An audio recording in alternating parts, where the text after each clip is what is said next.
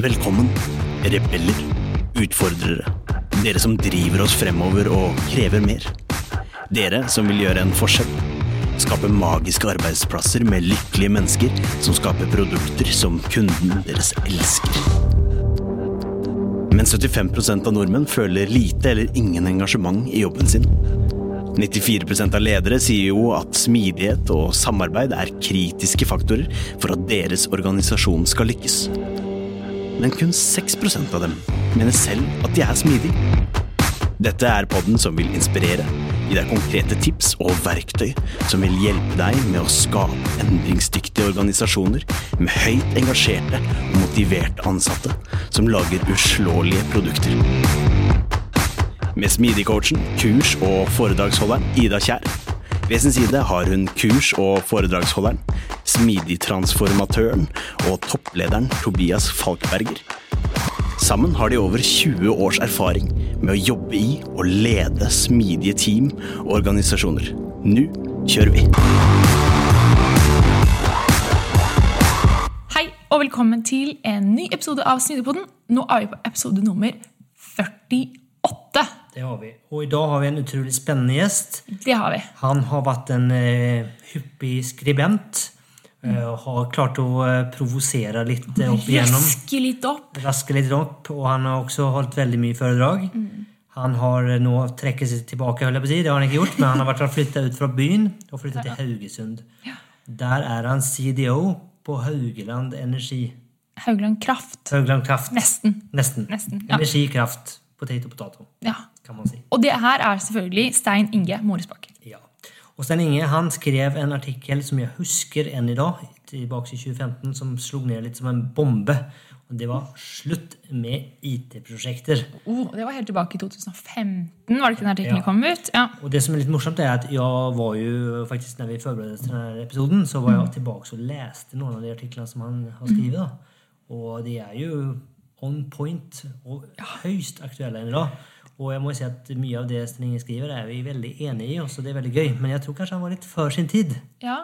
Det er, ja, helt enig, men det er superspennende lesing. Og jeg må jo si at jeg siterte jo en av hans sitater til sitater. Det er sikkert navn på det. I dag. Du siterte et sitat som han hadde brukt. Ja, Ja. Um, Så jeg anbefaler å lese de artiklene. Vi, vi linker de selvfølgelig i episodebeskrivelsen. Det gjør vi. Men før vi hopper inn til eh, samtalen med Sten Inge, så, eh, så er det noe annet vi har lyst til å snakke om. Litt eh, reklame, kanskje. Som, eh, som vanlig så snakker vi ofte om stream. For, eh, Så hvis man klikker på den linken som er i beskrivelsen, så kan man signe opp for stream. Og så får. Smidigpodden litt penger. Så det hjelper oss å holde Smidigpodden i live. Det gjør det. Så syns du at dere høres spennende ut og har lyst til å hjelpe Smidigpodden, så er det en veldig enkel måte å gjøre det på. Det koster ingenting for dere. Og der er det en serie vi har lyst til å se. som heter Pernie, og det er litt morsomt, for det er ikke nok med at den har fått veldig mye si, gode omtaler, Ja, det er også navnet på hunden til din mor. det er det. Hun heter Bernille, så vi kaller henne for Pernie. Så det er mest derfor jeg har lyst til å se TV-serien. Ok, Jeg tenker at det er fordi alle sier at den er så bra. Så, så uavhengig av hva grunnen deres er for å se på Pernie, så Ja. finner dere den på stream. Det gjør og lenk til det finner dere i beskrivelsen på smidigpodden.no. Yes, Yes. Så med det så tenker jeg vi hopper inn i episoden. det syns jeg vi skal gjøre. Her kommer Sten Inge. Hei og velkommen til oss, Stein Inge. Veldig hyggelig å ha deg på besøk. Tusen takk. Veldig hyggelig å være her. Det er jo helt sikkert flere som eh, kjenner igjen navnet ditt etter eh, diverse mediumartikler og, og det som er. Men du kan jo kanskje introdusere deg selv litt? Det skal jeg gjøre. Eh, Jeg heter da Stein Inge Mortsbakk. Er opprinnelig fra Beitostølen. Bor nå i Haugesund. Jeg er en enkel gutt fra fjellet.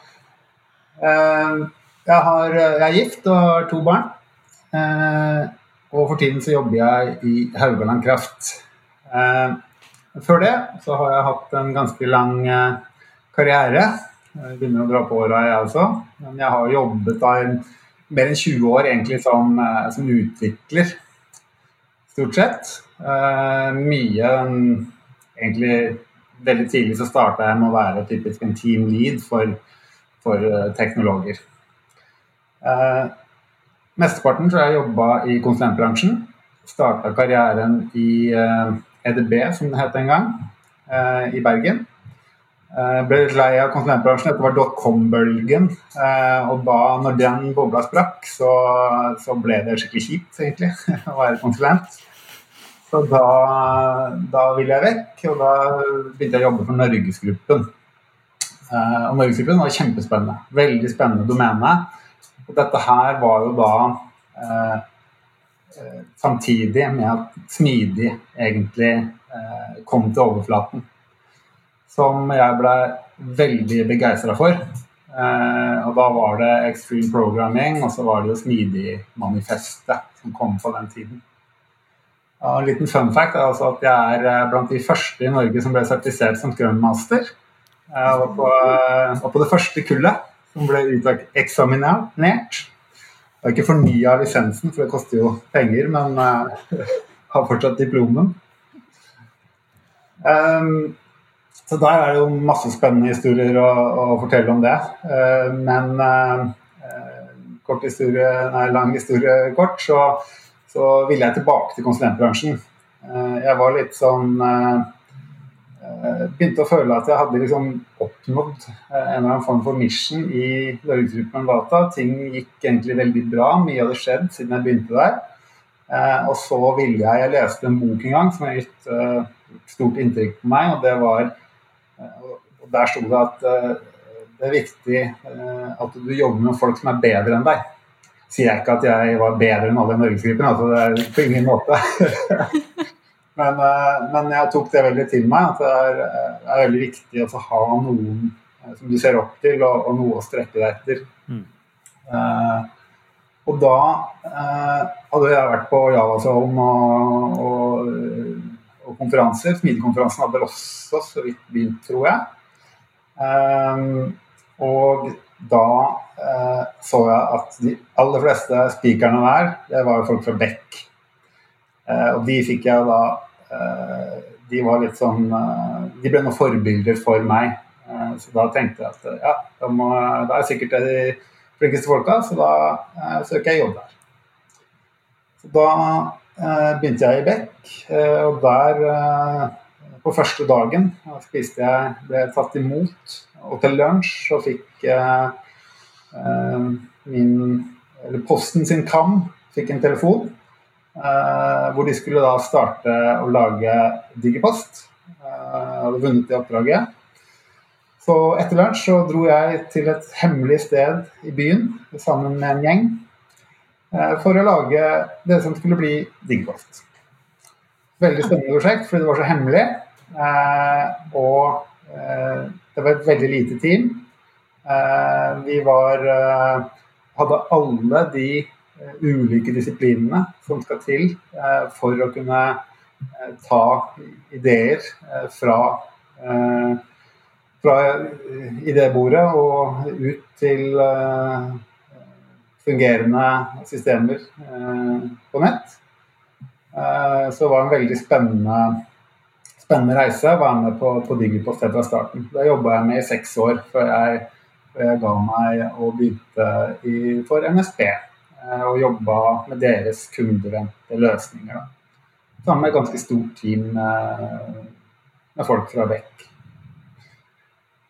Og så eh, gikk jo, trivdes jeg veldig godt der. Hadde egentlig ikke noe eh, tanker om å, å, gjøre noe annet. Selv om jeg på den tiden pendla fra eh, Haugesund. Ukependla derfra. Eh, og, eh, men så dukka det opp en mulighet eh, hos eh, Haugaland Kraft hvor de hadde da utlyst en stilling som direktør for utvikling og digitalisering. Og jeg ble liksom spurt om jeg ville søke på den og komme til intervju. det ville jeg. bare for å høre hva dette her var. sånne stillinger dukker ikke opp så ofte i Haugesund.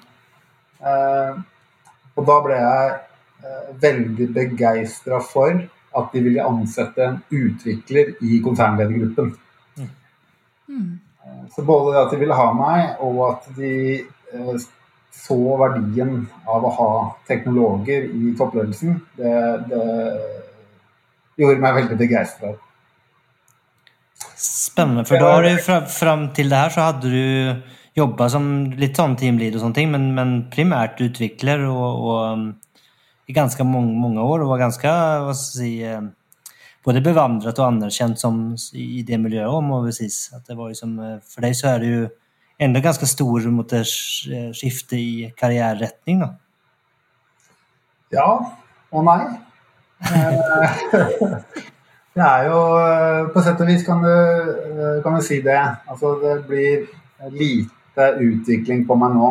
Eh, som team lead så jobber jeg mye med utvikling. Eller faktisk siste, eh, ja, siste fem årene så jobber jeg vel hovedsakelig med drift, egentlig. Det er jo kanskje noen vet eh, veldig veldig opptatt av DevOps. Og når det kom, så hang jeg meg veldig på det. Og, og dette med å, å, drifte og utvikle ting i skyen ble jeg veldig opptatt av. da.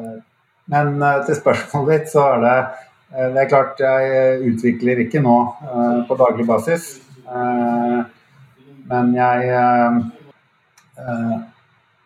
Jeg føler likevel at jeg viderefører det mindsettet eh, det er eh, å være utvikler. Og jeg tror også det kanskje er min største styrke i den posisjonen jeg er, er at jeg har kanskje en forståelse for utviklere, en viss empati.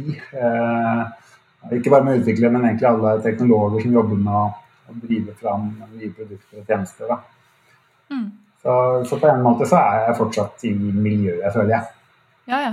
Jeg synes det er, eh, Du var jo på en måte litt inne på det selv, at det å ansette med, altså en teknolog med så sterk utviklerbakgrunn inn i en ledergruppe, det er jo, det er jo relativt unikt. Men det, kjempe, det må jo være en kjempestyrke?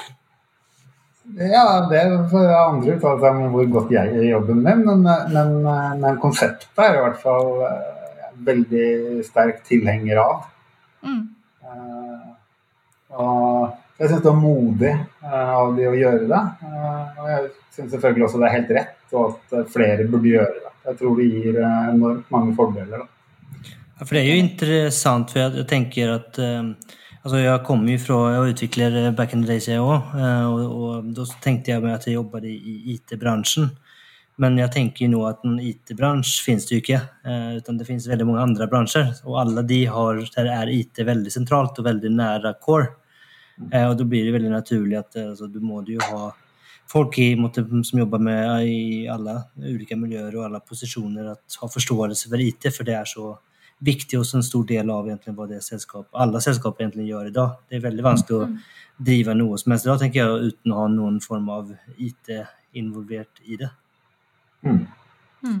Ja, det syns jeg er veldig uh, veldig interessant perspektiv og en veldig god observasjon. Uh, jeg, det er mange som sier at uh, alle selskaper er IT-selskaper, at man omredefinerer seg. Eh, fra å være, drive i en eller annen bransje til å bli et IT-selskap. Men det er kanskje heller tvert imot. da. Eh, mm. Eller man burde kanskje tenke at ja, man må ha respekt for den bransjen man er i også. Eh, og så er det på en måte bare en selvfølge og naturlig del av det å drive business i dag. Det er å mm. anvende teknologi til så å si alt du gjør. Mm. Unnskyld at jeg forstyrrer deg midt i denne superspennende episoden, men jeg må bare fortelle deg noe. Forresten, det er meg, Arvid, fra introen. Er du en som ønsker å utfordre, drive oss fremover og kreve mer? Gjøre en forskjell og skape magiske arbeidsplasser? Men du bare vet ikke helt hvordan. Da har jeg noe som kan hjelpe deg. Tobias og Ida har laget et kurs. Kurset gir deg forståelsen og den smidige tilnærmingen du trenger for å tenke nytt om de organisatoriske byggeklossene, strategi, mennesker, prosess, struktur og teknologi. Lenke til kurset finner du i episodebeskrivelsen. Alright, men kan ikke Den reisen dere har startet på og er på i Haugland Kraft, den er ganske spennende. Kan du fortelle litt uh, om det? For det, kanskje, det, var jo sånn at det er et satsingsområde her. ikke sant? Så Du var jo nesten litt sånn, jeg skjønte riktig, så var du liksom første, du var liksom først ut på den reisen, nesten. Så du har liksom blitt bygget opp ganske mye etter hvert her òg. Ja. Eh, det er jo, det er jo veldig spennende Det har vært en veldig spennende tid for meg. da, eh, fordi det er som du sier, eh, jeg var liksom den første ansatte. Altså fikk ansvaret for at jeg skal få lov til å bygge det opp på min måte. Og det er jo egentlig veldig naturlig å tenke sånn. Altså, man ønsker å ansette noen med det ansvaret, og da er kanskje den personen best skikket da, til, å, til å bygge opp et område. Eh, og når jeg starta, så hadde jo, de hadde jo en liten IT-avdeling internt, eh, med driften eh, eksternt. Men man har jo behov for en viss grad av IT internt også, så det var jo en tre-fire styk, stykker som, som, var der fra før. det første er det som var viktig for meg eh, helt i starten, var å prøve å forankre og kommunisere hva er det jeg legger i digitalisering. Eller ikke hva jeg legger i digitalisering, men hva skal vi eh, legge i digitalisering? Hva skal det bety for oss? Eh, så det første jeg egentlig starta med, var en, en, strategiprosess som jeg brukte mye tid på for å ja, for å kunne sette en retning, men aller mest for at folk skulle forstå Eh, hvor vi vil, eh, og hvordan vi kan komme oss dit. Det er noen som sier at, liksom, at uh, 'culture eats strategy for breakfast'. Det var en smart fyr som uh, sa. Mm. Uh, og det er jeg selvfølgelig enig i. Men derfor så ble også den strategien veldig mye en kulturstrategi. Så den handla ikke så mye om liksom, Det var ikke en IT-strategi eller en, teknologisk strategi. Det handla veldig mye om dette, altså, hvordan skal vi jobbe, hvordan skal vi sikre at vi er ett lag, hvordan skal vi eh, ja, også sånne ting som organisasjonsformer, eh, autonome team, hvordan skal vi jobbe med kundeinnsikt, altså de tingene der. da, Det er veldig stort fokus på det. Og Det arbeidet brukte vi et halvt år på, det, det er jeg veldig godt fornøyd med. Den, den strategien har vært viktig. Eh, og ikke minst også å kunne definere eh, lage en definisjon av digitalisering. Eh, og den definisjonen er jo eh, eh, veldig fokusert på forretningsutvikling. Digitalisering er egentlig forretningsutvikling, og det er det det er. Og de henger så mye sammen at det er ikke noe forskjell på de utgangspunktene. Hvordan ble det tatt imot der når du liksom for jeg kan tenke meg at det kanskje ikke var helt det det så for seg når de hadde ansatt deg, eller bestilt en, en digital digitaliseringsstrategi, og så kommer du og snakker om autonome team og um... Nei, det har du helt rett i. Uh, jeg tror at uh, forventningene uh, til meg når jeg kom inn, det var et veldig stort spenn. jeg tror det var liksom alt fra at nå skal endelig PC-en min fungere, til eh, nå blir vi erstatta av roboter. eh, så det Det er klart at det, det, den forankringsprosessen er helt essensiell. Da. Mm. Eh, og så var det også dette her med at eh, vi, jo, vi, trengte jo mye ny type kompetanse. Eh, så jeg satte i gang med en rekrutteringsprosess også eh, veldig tidlig.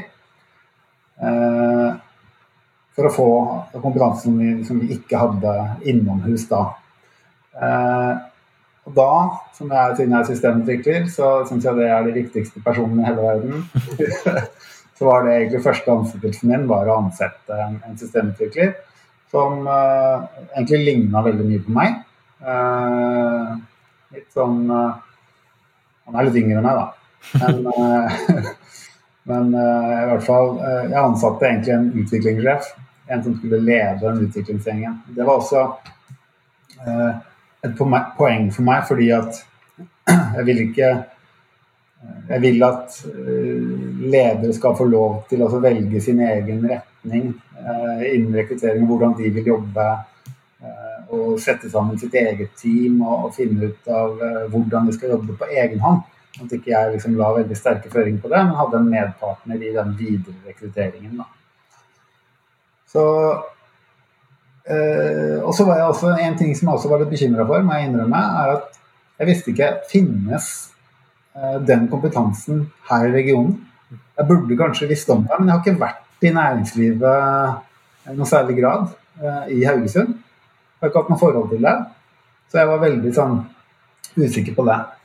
Men så viser det seg da at uh, her er det veldig mange uh, flinke folk som eh, passer helt utmerket inn i det å starte en inhouse utviklingsavdeling. Så gikk det slag i slag med at jeg ansatte noen flere utviklere. Jeg ansatte en UX-person, jeg ansatte en data scientist. Jeg ansatte prosjektledere, som er litt annen, litt annen type prosjektledere enn de som leder linje sånn nettutbyggingsprosjekter, altså mer om digitale prosjektledere. Og nå teller vi da 20 stykker. Mm. Spennende. Og, men det som jeg er litt nysgjerrig på, er at um, ja, når, når, man har sett på dine talks og man har lest artiklene dine, så, um, så vi er, bare for det sagt, så vi, har veldig like syn på ting. Uh, hvordan ting skal gjøres. Um, men som min egen opplevelse er at det er ikke alltid så lett at som man vil få det til, at det er sånn man får det til i virkeligheten. Eller virkeligheten er kanskje ikke nødvendigvis så enkel som de eh, eksemplene man forteller om eller skisserer eller har lest om. Hvordan var det liksom det for deg? da? Liksom du, man, du, har jo noe, kanskje, du hadde kanskje ganske tydelig målbilde hvordan disse teamene skulle se ut, og sånne ting, og så er det kanskje ikke det alltid like lett å få til i virkeligheten? Nei, helt klart. Uh, det På en måte jeg vet ikke om det helt stemmer, men, men, på en måte så var det litt sånn Kanskje det var mindre krevende fordi at man ikke var i en posisjon hvor ting var satt. Altså jeg vet at Opp gjennom min karriere så har jeg hatt nok kriger med virksomhetsarkitekter og eh, prosjektledere av den gamle skolen og forretningsfolk som eh, ikke vet å verdsette eh, utviklere. Eh, så jeg har hatt nok av de fightene der. Eh, og her var det kanskje litt annerledes. da Eh, jeg opplevde at jeg fikk tillit til at her kommer det inn noen med ekspertise og kompetanse, og da lytter vi til det. Eh, så kanskje det at du ikke hadde all den legacy prosesstenkningen, at det faktisk gjorde det litt enklere òg. Når det er sagt, så var jo veldig mye av dette veldig uvant, selvfølgelig. Det var en del som ikke skjønte eller reagerte på altså, Skal vi lage software sjøl, liksom? Uh, skal, du, skal, vi begynne å lage Word? Uh, det var kanskje ikke Word vi brukte, men skal vi lage økonomisystem? jeg syns det hørtes helt sinnssykt ut, og det forstår jeg veldig godt. man har som regel kjøpt systemer, kjøpt hyllevaresystemer Eh, der hvor det er litt sånn custom, så har man satt det ut til en ekstern leverandør. Sånn at Ja. Og det må da bli fryktelig dyrt. også ting jeg har hørt, hørt mye. Jeg brukt mye tid på å overbevise om at det å utvikle software er faktisk billig. billigere enn å kjøpe et, et gigasystem som ikke gjør det du egentlig vil, og som har altfor mye funksjonalitet som du aldri får benytta deg av. Og hvor oppgraderinger er helt umulig fordi at du har skreddersydd det mer og mer. Mm. Så det, den, det å få folk til å forstå det, det har jeg brukt mye tid på. Mm. Og så er det dette her eh, dette med min Eh, mine tanker rundt dette med IT-prosjekter. Eh, jeg Jeg skrev en bloggartikkel for noen år tilbake eh, som het 'Slutt med IT-prosjekter'. Og så vil jeg ansette prosjektledere. Ja, takk, for det var akkurat det jeg skulle spørre deg om nå. Jeg bare, det her, Nå må du fortelle litt mer. ja. ja det, jeg ser veldig godt den inkonsekvensen der. Men jeg påpeker at jeg aldri har hatt noe mot prosjektledere. Eh, prosjektledere er jo helt eh, herlige folk med, med, en kompetanse som er veldig viktig, eh, og som utgjør stor forskjell når man driver med digitalisering. Fordi man skal jo holde orden på, på alt. Og det skal Man skal måle alt man holder på med.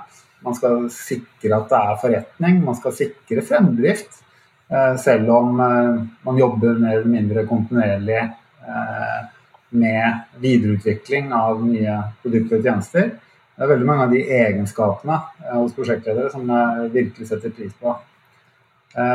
Og så må jeg si altså vi, vi jobber med IT-prosjekter i Haugaland Kraft. Jeg klarte liksom ikke å vri om den uh, med en gang.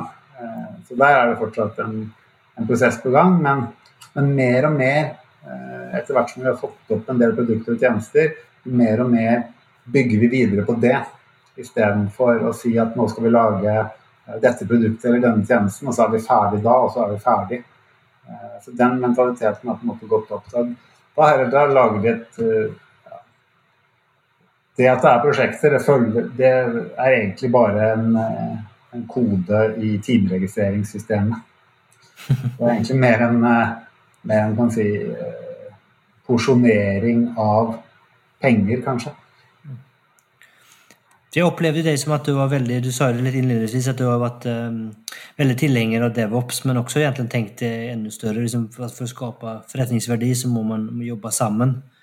Uh, men du har jo en, en direktørstilling for IT. Har du, liksom, klarer du å knytte det sammen? Har du klart å få det til? At det liksom man, som du sier, at det er, det, det er forretningsutvikling, det er noe vi måtte gjøre sammen. Har du fått, får, får det til?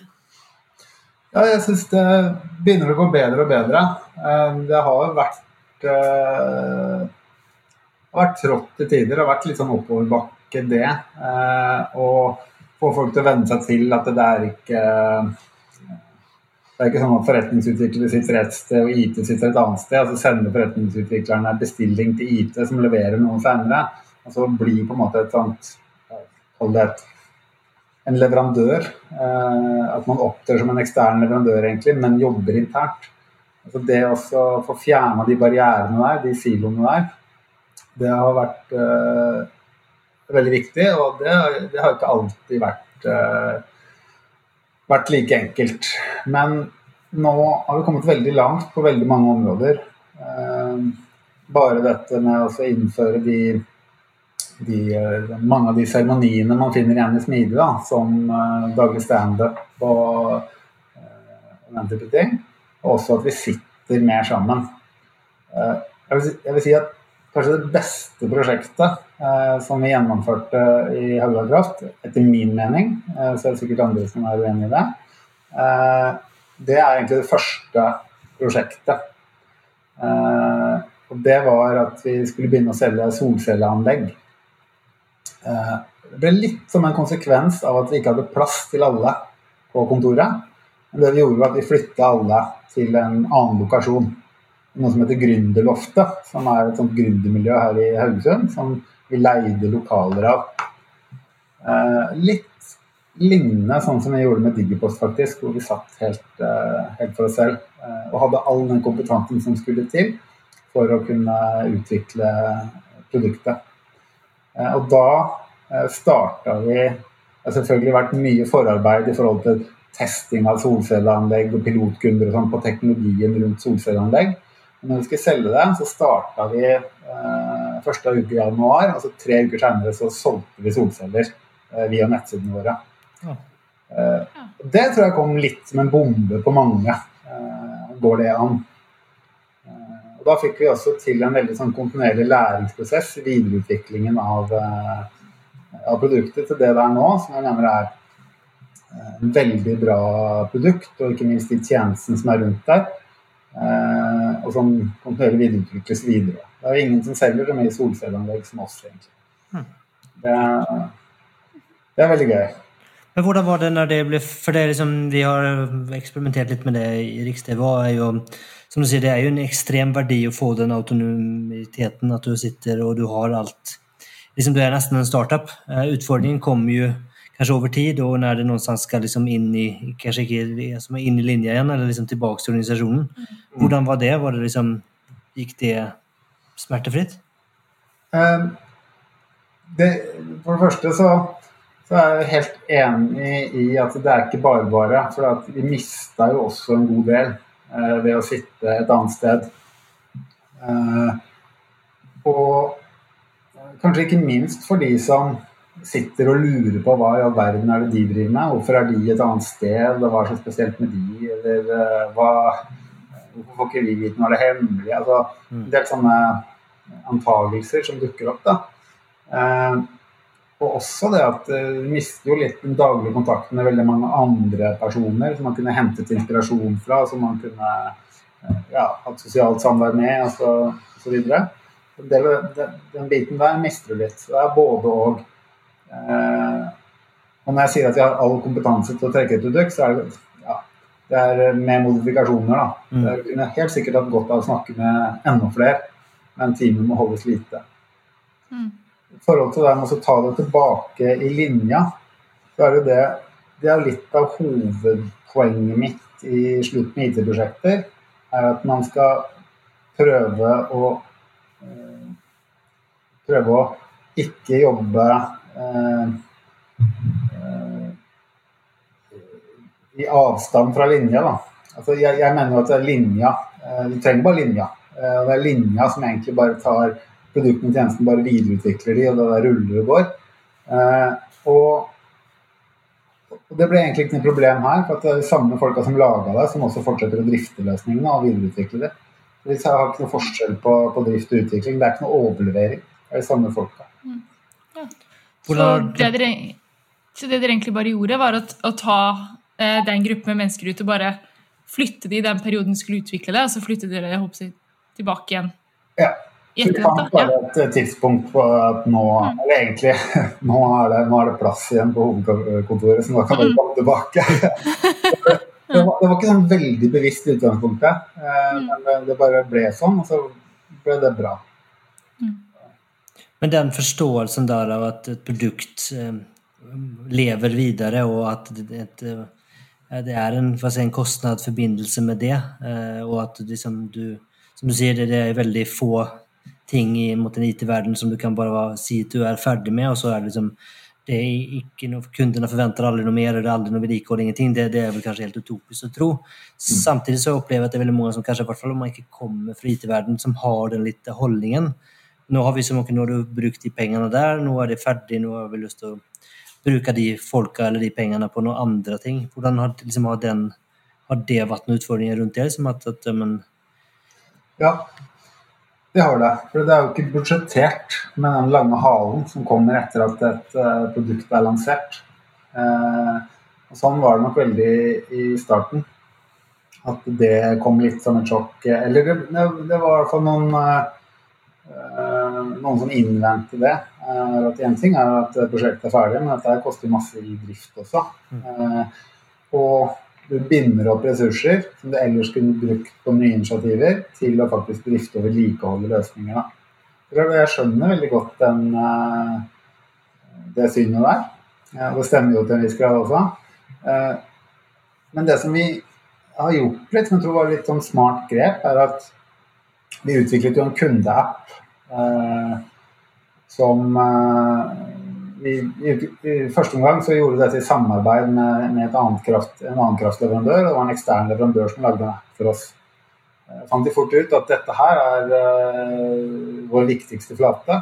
Eh, den er for viktig til at vi kan, uh, kan ha altfor mange kokker involvert i det og sette det ut til en ekstern leverandør som ikke sitter sammen med oss. Så vi tok den inn. og da ble det på en måte prosjekt kundeapp. Vi skulle lage en kundeapp. Eh, da sa jeg jeg trenger tre utviklere, tre måneder, og så er vi på samme nivå. Og så tar vi det derfra. Eh, det estimatet traff jeg veldig godt på. Eh, og så ble det på en måte et kundeprosjekt videre. Det vi har klart å gjøre, er at vi har klart å vri dette her med hvordan vi lager prosjekter, eller initiativer, som jeg liker å kalle det. da. Det at en kundeapp er ikke et initiativ eller et prosjekt. Det er alle de tjenestene eh, som blir eh, som, som, benytter seg av den flaten. Altså Det er de man fokuserer på. For at, eh, Du lager ikke bare en app. altså du lager, Det skal selges. Det er, eh, det er eh, CRM-systemer, det er kundesystemer, det er markedsføringsmateriell. altså Det er så mange ting som inngår i et produkt. Hvis du skal vite hva noe koster, så må du på en måte dele det inn etter produkter og tjenester, og ikke inn i flater. Mm. Mm. Eh, men vi har, vi har jo da eh, Det er jo litt sånn eh, Det er en del teori rundt det. Innen smidig, dette her med sånn feature teams og, og product teams og, og sånne ting. Eh, og det kommer litt sånn her pragmatismen uh, i dette med smidig å gjøre, er at vi har jo delt oss inn i, i litt sånn team som er et app-team og et uh, backend-team og sånne ting. Som liksom er fy-fy, på en måte. Men for oss så funker det uh, egentlig veldig bra. Og hvis det funker, så, så er det det beste. men da Men vi jobber med, med features som er ganske små. eller tjenester som er ganske små, og så eh, måler vi eh, det. Altså hvor lang tid det tar, hvor mye koster det, hvor mye penger tjener vi på det. Eh, Istedenfor at vi måler eh, produktet eller flaten i seg sjøl. Eh, det får vi til å fly ganske bra. Så er vi ikke så mange, så vi er nødt til å på en måte Folk må jobbe med kanskje to tjenester og to produkter eh, på samme tid. Spennende. Føler du at du har blitt mer pragmatisk eh, i det siste? Eller har du liksom hatt den pragmatismen og den vært der hele veien, eller ser du liksom kanskje ting på en annen måte litt nå enn hva du kanskje gjorde før? Sjøl syns jeg har vært pragmatisk hele veien, men det er sikkert en del som er uenig med meg i. Når man har sterke meninger, så er kanskje det det motsatte av pragmatisme på én måte. Eh, men det er var det hva var det Det var Storebrand som hadde De hadde en sånn uh, meetup, uh, smidig meetup, hvor det var uh, De gikk ut og sa at de var smidigere enn smidig. Mm. eller var vel i på Kode24 eller noe sånt. Da Da var det mange sånne Jeg, jeg er jo fortsatt med i den herre Smidigallianse, Slack-kanalen. Det ble en del sånn oppheta diskusjon rundt det. Men men jeg skjønner hva de mener. Jeg skjønner så godt hva de mener. Og det er dette her med eh, Jeg hadde seila opp sånn derre eh, No methodology, eller hva det heter, alle disse her. Eh, som er sånn just do it-mentalitet. Den har jeg nok alltid hatt der. Altså bare gjør det som funker for deg. Eh, og, og, og drit i reglene. Og start uten regler. Selv om det trengs en regel, så legger du på en regel, men ikke før det blir et problem. Uh, så jeg har ikke alltid hatt pragmatisme i forhold til det. Uh, det var, bare en liten sånn anekdote der i forhold til, til, uh, til Digipost, hvordan vi starta der. En, en, tabbe som ble gjort initielt, var at vi, vi hadde bare veldig senior utviklere, og teknologer, på teamet. Og det førte jo til en masse diskusjon og debatt rundt det. Hvilken metode skal vi bruke? Skal vi bruke Scrum? Skal vi ta elementer fra Extreme Programming? Eh, og alle, liksom, hvilke seremonier skal vi ha? Og vi hadde jo liksom daglig standup, vi hadde sånn planning meetings og demo. Eh, Sprint-demo. Vi timeboxa eh, ting. Eh, og alle disse tingene her, da. Og så hadde vi selvfølgelig en, en backlog som, som, jeg har stor forståelse for. At forretningen bare putter på.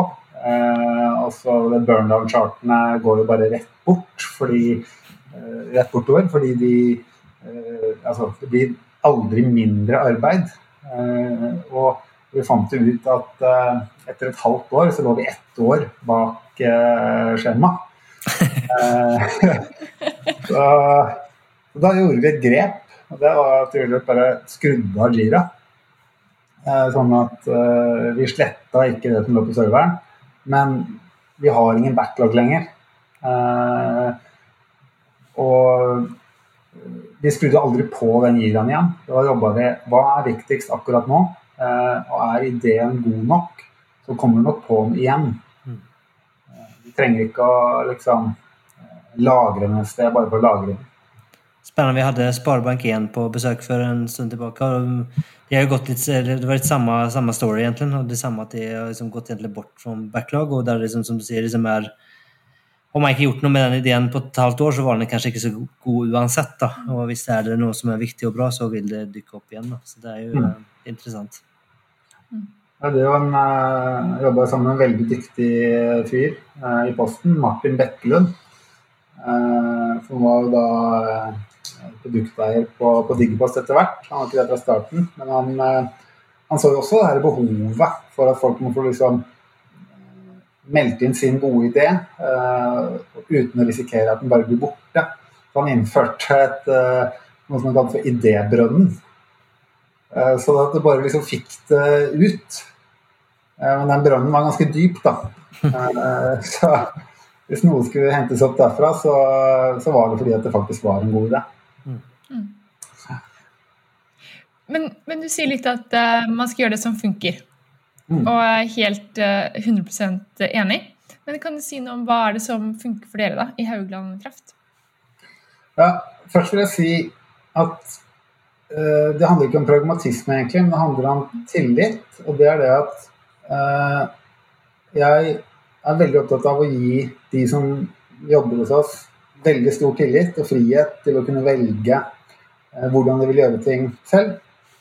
Eh, og, da, og da, får de jo, og det vet jeg andre gjør også, og da ender det opp med at noen som jobber Scrum, noen jobber Kanban, noen jobber uten metode, altså lærer man litt av hverandre osv. Det er liksom Ja, du må jo Altså, det er en prosess å, å komme til den erkjennelsen av hva som er riktig og hva som er feil. Og da, og da syns jeg det er helt greit at man, uh, man sjøl skal finne ut av hvordan man vil jobbe, og så blir det gradvis bedre. Uh, bare det å være med på den reisen er veldig viktig i seg sjøl. Mm. Uh, det, der er det også en ting som jeg kom på nå i forhold til det der med å komme inn er det ikke vanskelig å liksom komme inn, og så er det ingenting der fra før. og Hvordan skal du på en måte overbevise om måter å jobbe på? Eh, til det så det, gjelder det også teknologi, som har gjort at jeg tror vi er en veldig attraktiv arbeidsgiver. Og vi er effektive. Det er litt fordi at vi hadde jo ikke noe teknologistack å forholde oss til når vi kom inn heller. Da var det liksom bare all in på de kuleste programmeringsspråkene. Eh, native cloud, Eh, vel hvilke rammeverk og teknologi du bare ønsker deg. Altså En utviklers våte drøm, i hvert fall har det vært eh, min eh, mens jeg har vært utvikler. Og det også er, det er med å forme mye av måten man jobber på, det også. Det å jobbe i skyen er i seg selv Det fører til en del prosesser som er ganske annerledes enn, enn når man må deploye til, til serveren i kjelleren. Mm. Ja, det, det, er kult, det. For det er jo det må jeg si, jeg Som utvikler kan jeg virkelig tenke meg at det må ha vært ganske um, spennende å få starte når det liksom ikke finnes noe særlig legacy, og det er liksom stor på, uh, mulighet til å påvirke og uh, høy grad av tillit. Og det høres ut som en uh, si, fint sted å jobbe. Ja, tror det. Ja, kult. Gud, hva tenker du, Ida? Skal vi begynne å runde av, kanskje? Eller har du noen siste, siste spørsmål på uh, du vil skvise inn før det? Eh, nei, det går bra. Jeg har ett et spørsmål, men det er ganske stort. Eh, så det, eh, det var litt sånn rundt Jeg syns det var veldig interessant det du sa med, med, med, den appen dere har skapt, og produktene dere har i den, og hvordan dere tenker rundt det. For jeg tror det er flere bedrifter som sliter litt med den tankegangen der, da, hvordan de skal liksom knekke den koden. Mm. Um, kan du si noe mer om det? For jeg tror det ville vært ganske interessant å høre. Jeg tror, jeg, jeg tror faktisk altså, hvordan du omtaler det, er viktig. da. Så ikke kall det en kundeapp, og ikke kall det et prosjekt, og ikke lag et uh, team som driver med app-utvikling. Uh, ser på at du skal uh, Nå skal du begynne å selge solceller, nå skal du begynne å selge elbilladere.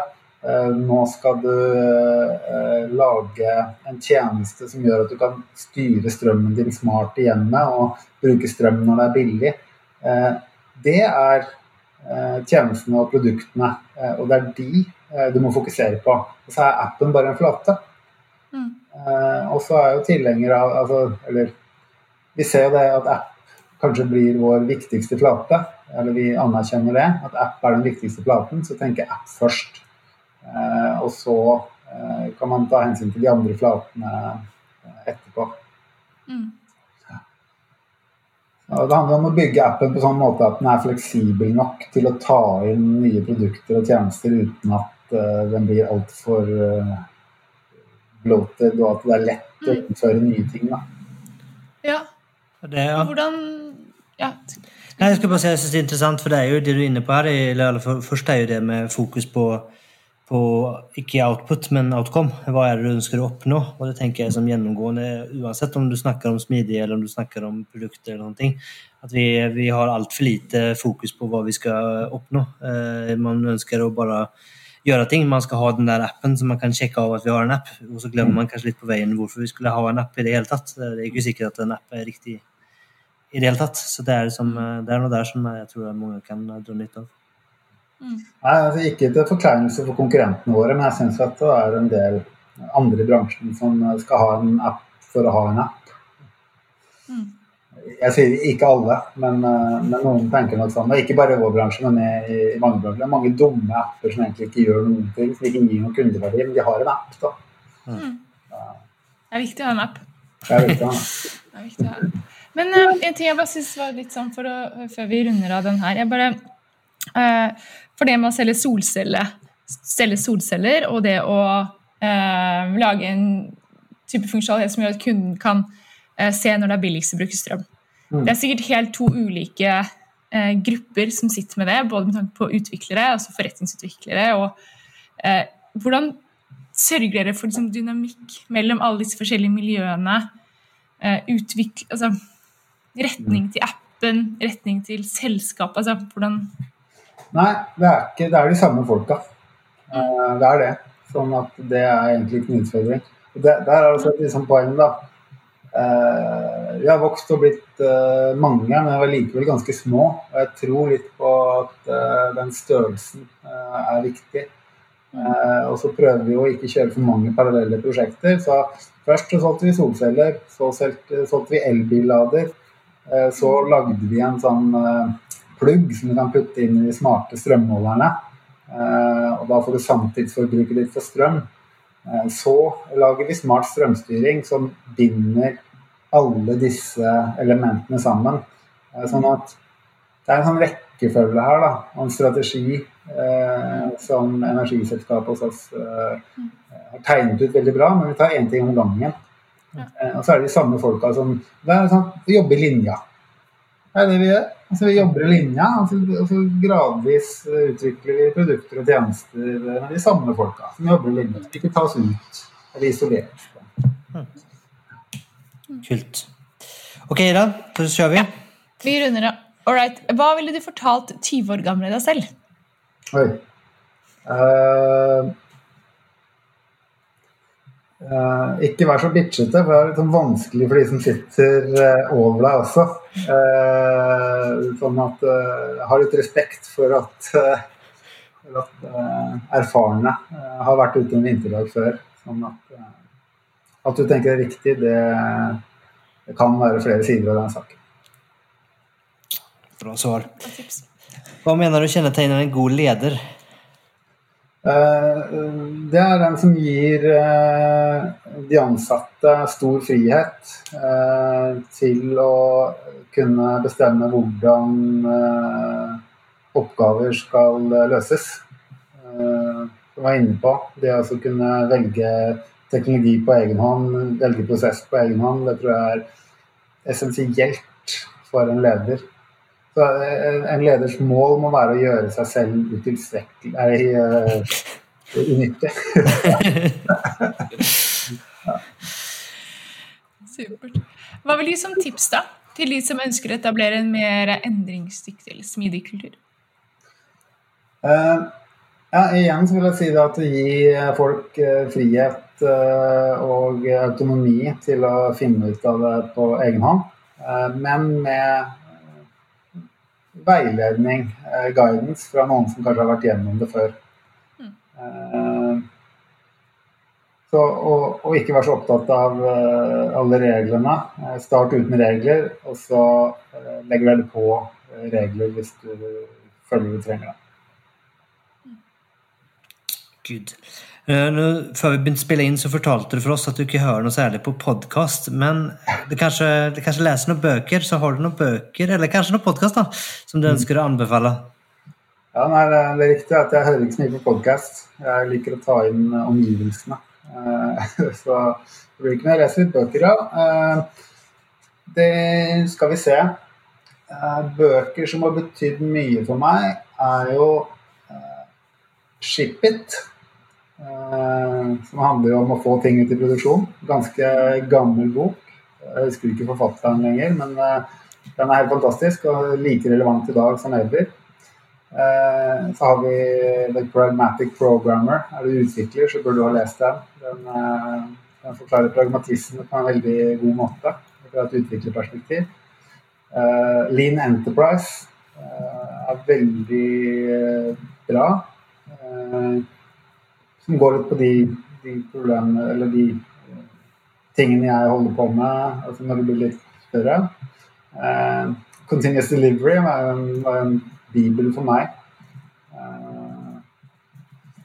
Hvis du vil ha litt underholdning og syns det er tungt å lese fagbøker, så kan du lære veldig mye av The Phoenix Project. Uh, og det er så mye gode bøker. Det var mye, mye bra bøker. Ja. Ja, men Strålende. Skal vi få linket opp de, så kan man uh, få lest litt hvis man har lyst til det. Men hvis man skal komme helt til slutt, hvis man vil komme i kontakt med deg, uh, eller vil følge deg, eller noe sånt, hva gjør man da? Nei, uh, jeg tror man kan google meg, så tror jeg jeg blir uh, synlig. Så er det jo navnet mitt med punktum mellom, at hkraft.no. De fleste steder så har jeg vel Steinim. LinkedIn og Facebook og Insta og Twitter. Og jeg er ikke like aktiv i alle kanaler, må jeg si. det er lov. Men jeg har profil. Så, så har vi de mediumartiklene som jeg må si er jo eh, fortsatt veldig aktuelle, even om de nå begynner å bli noen år gamle. Så det kan vi lenke til òg. Syns at det er eh, veldig, veldig bra skrevet. Jeg har en ambisjon om å begynne å skrive, skrive litt igjen eh, med tid og stunder. Eh, det er bare at nå har jeg hatt så mye å henge fingra i. Men jeg tror at eh, jeg har lært veldig mye da, i løpet av sitt gode årene, så jeg håper at jeg får skrevet litt mer. Kult. Høres ut som en god plan. Ja, Det gleder vi oss til. Med det så vil Tusen takk for at du ville komme til oss. Tusen takk for at jeg fikk komme. Det var en kjempeopplevelse. Så bra. Så bra. Så bra. Good. Så sier vi ha det bra. Ja. Ha det bra. Ha det bra. Ha det. Tusen takk for at du lyttet på denne episoden av Smidpodden. Dersom du likte det du hørte, så abonner på Smidigpodden, da vel. Da får du masse mer av denne type innhold i fremtiden. Dersom du har lyst til å støtte Smidigpodden fremover, så gå gjerne inn på linken under og eh, ta kurset vårt. Du kan også så klart bruke noen av linkene under til bøkene som gjestene våre anbefaler. Det er affiliate links, og det betyr at Smidepodden får ei lita krone når du kjøper en bok, men du betaler så klart ikke en krone mer når du handler. Så med det så ønsker jeg deg en fortsatt fantastisk dag eller kveld, hvor enn det er du befinner deg i denne store, vide, vakre verden. Ha det bra!